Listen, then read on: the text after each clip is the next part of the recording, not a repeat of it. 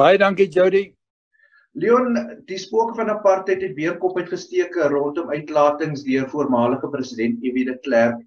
Hoekom dink jy 25 jaar in ons demokrasie is uh, die apartheidsdebat nog so hoog en 'n uh, prioriteit en veral as dit 'n uitlatings is deur voormalige president meneer de Klerk?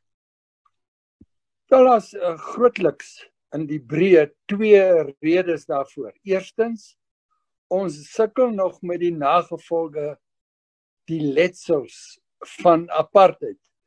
Uh geografiese skeiding, bevoorregte onbevoorregte mense, so die die spooke van apartheid speel hom uit op die sosio-ekonomiese terrein. Maar tweedens is daar steeds onbeantwoorde vrae mense wat slagoffers was van apartheids uh geweld uh het nog nie antwoorde gevind nie en dit is die rede hoekom hulle kort kort uh, weer 'n verskyning maak. Wil jy net vir ons konteks gee oor jou verhouding met meneer de Klerk uh, die tyd saam in die kabinet en ook na 1994? Ek was 22 jaar in die politiek. Dit was 'n baie aangename verhouding uh, wat ek kon geniet het met EW de Klerk. Ek het hom leer ken as 'n as 'n junior parlementslid. Ek het hom leer ken as 'n junior kabinetsminister en ek was bevoorreg om saam met hom in die kabinet te dien. Ek het hom glad nie uh van nader by leer ken uh in sy postpolitiese jare toe hy sy stigting begin het nie. Hy het sy eie kring om hom versamel en ek was nie deel van daardie groepering nie. So ek kan nie werklik daaroor kommentaar lewer nie, maar de Klerk uh, as politikus was 'n eerbare mens. Hy was nie 'n kloekerige, klikkerige, afknouerige politikus gewees nie. Dink jy die vrae rondom wat het hy geweet in sy tyd as beide minister en president en wat het hy nie geweet nie is regverdig en behoort ons daardie tipe vrae te vra 25 jaar later? Eh, daardie vrae eh, kan jy nie onder die mat invee nie. En ek dink daardie vrae bly geregverdig en ons wat in posisies van mag en gesag was uh, moet geduldig wees om om daarop te reageer en daaroor te debatteer. So ek beskou dit nie as ongeregverdig nie, maar ek haas my dan om te sê dat dit my oortuiging is dat de Klerk was nooit 'n geweldenaar nie. Hy was nooit deel van die binnekring van die sogenaamde sekurokrate nie en dit is vir my aanvaarbaar dat daar dinge ek wil amper sê onder sy neus ge, gebeur het waarvan hy nie bewus was nie. Leon, jy sê nou dat um, hy was nie deel van die sekuriteite onder die PW Botha bedeling nie, maar as jy kyk na sy uitlatings nou onlangs oor op apartheid, hoe regverdig jy dit dan? Nee, dit is 'n dis 'n nuwe vraag en ek dink hy het dit lomp hanteer. Dit is ongetwyfeld uh wat wat hom ten laste gelê kan word saam die regering van nasionale eenheid gestrompel het dat hy klei getrap het voor die waarheids- en versoeningskommissie en dat hy nou weer 'n keer sy kop in 'n bynes gedruk het deur te misken dat apartheid 'n misdaad teen die mensdom was. Dit is alles relevante debatte, maar dit maak hom nie 'n geweldenaar nie. Wat sê jy dan vir die slagoffers wat daardie tipe vrae oor meneer de Klerk het? Wel, ek het ek het baie simpatie met hulle want hulle soek nog steeds antwoorde. Ek het baie van hulle van nader by leer ken en ek dink meneer de Klerk self sal uh, met 'n simpatieke houding jeens hulle uh, moet debatteer en sy posisie verduidelik en verdedig. Net soos wat ek en ander voor die WVK moes doen. My standpunt vir die WVK staan steeds. En dit is naamlik dat die nasionale partye leiers het nie 'n ondersoekende uh, gesindheid openbaar toe hulle in bewind was nie en dat hulle nie die verskoning van ek het nie geweet werklik met oortuiging kan opwerk nie want ten minste is ons in die in die arena van moraliteit en en openbare verantwoordelikheid antwoorde verskuldig. Wat het ons gedoen met die mag waaroor ons beskik het? Maar uh, daar's ook mense wat vra oor uh, die relevantie destyds van 'n waarheids- en versoeningskommissie veral omdat hulle sê dit vir mense onder andere soos 'n meneer Iwie de Klerk net laat wegkom het en laat vrykom het van wat ook al onder die apartheidsregering gebeur het. Onthou onthou een ding, die Waarheids- en Versoeningskommissie het het uh, skendings teen die mensdom teen uh, Suid-Afrikaners oor 'n periode van dekades ondersoek. Uh daar was 'n lang historiese aanloop daarvoor en hulle moes hulle taak binne 'n baie beperkte ruimte afhandel.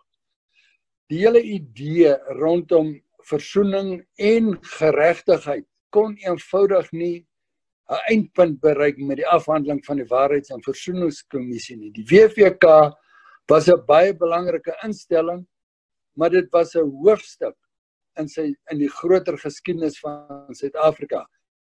En dan is daar natuurlik ook mense wat sê maar meneer de Klerk het eintlik baie vir ons demokrasie gedoen as dit nie vir hom was wat die ANC ontban het en vir meneer Mandela vrygelaat. Nie sou ons nie die demokrasie het wat ons uh, vandag gekry het uh, of uh, in 94 gekry het nie Jon kyk jy kan maar grimmig staan teenoor EW de Klerk en sy uitlatings na 1994 maar die geskiedenisboeke uh, kan nie anders geskryf word as om te onthou dat de Klerk aan die hoof van van die staatsmasjinerie gestaan het uh toe die demokratiseringsproses begin is en toe dit volëindig is met daardie verkiesing in 1994 nie. En dit was 'n baie baie moeilike tyd wat gedreig het om om in geweld uit te bars. Kort kort. As 'n mens kyk na die militêre opsie wat uh, mense soos generaal Constant Viljoen en die AWB en ander oorweeg het, dan dan moet jy jou hoed vir dit lerk lig dat hy Suid-Afrika veilig by 'n demokratiese verkiesing uitgebring het saam met die ander belangrike rolspelers. Daar's wel kritiek teen hom omdat hy in 1996 uit die ehm um, regering van nasionale eenheid onttrek het. Jou gevoel daaroor? Wel, ek dink hy kan met reg uh, verwyd word dat hy uh, weggestap het uit die regering van nasionale eenheid. Dit was 'n geleentheid om aan Suid-Afrika te toon dat dit moontlik is om saam te werk in die uitvoerende gesag.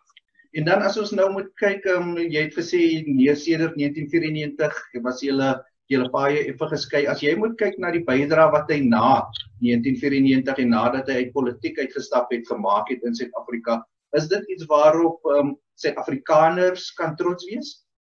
Wel ek is 'n buitestander uh, rondom sy optrede na 1996.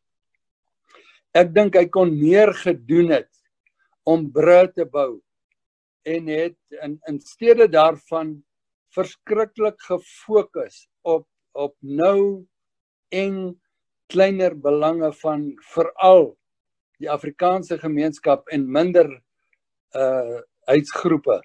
Uh EB de Klerk uh, maar dit was sy keuse en dit was sy inisiatief en hy het dit gedoen onder aansporing van sy uh, van sy stigting.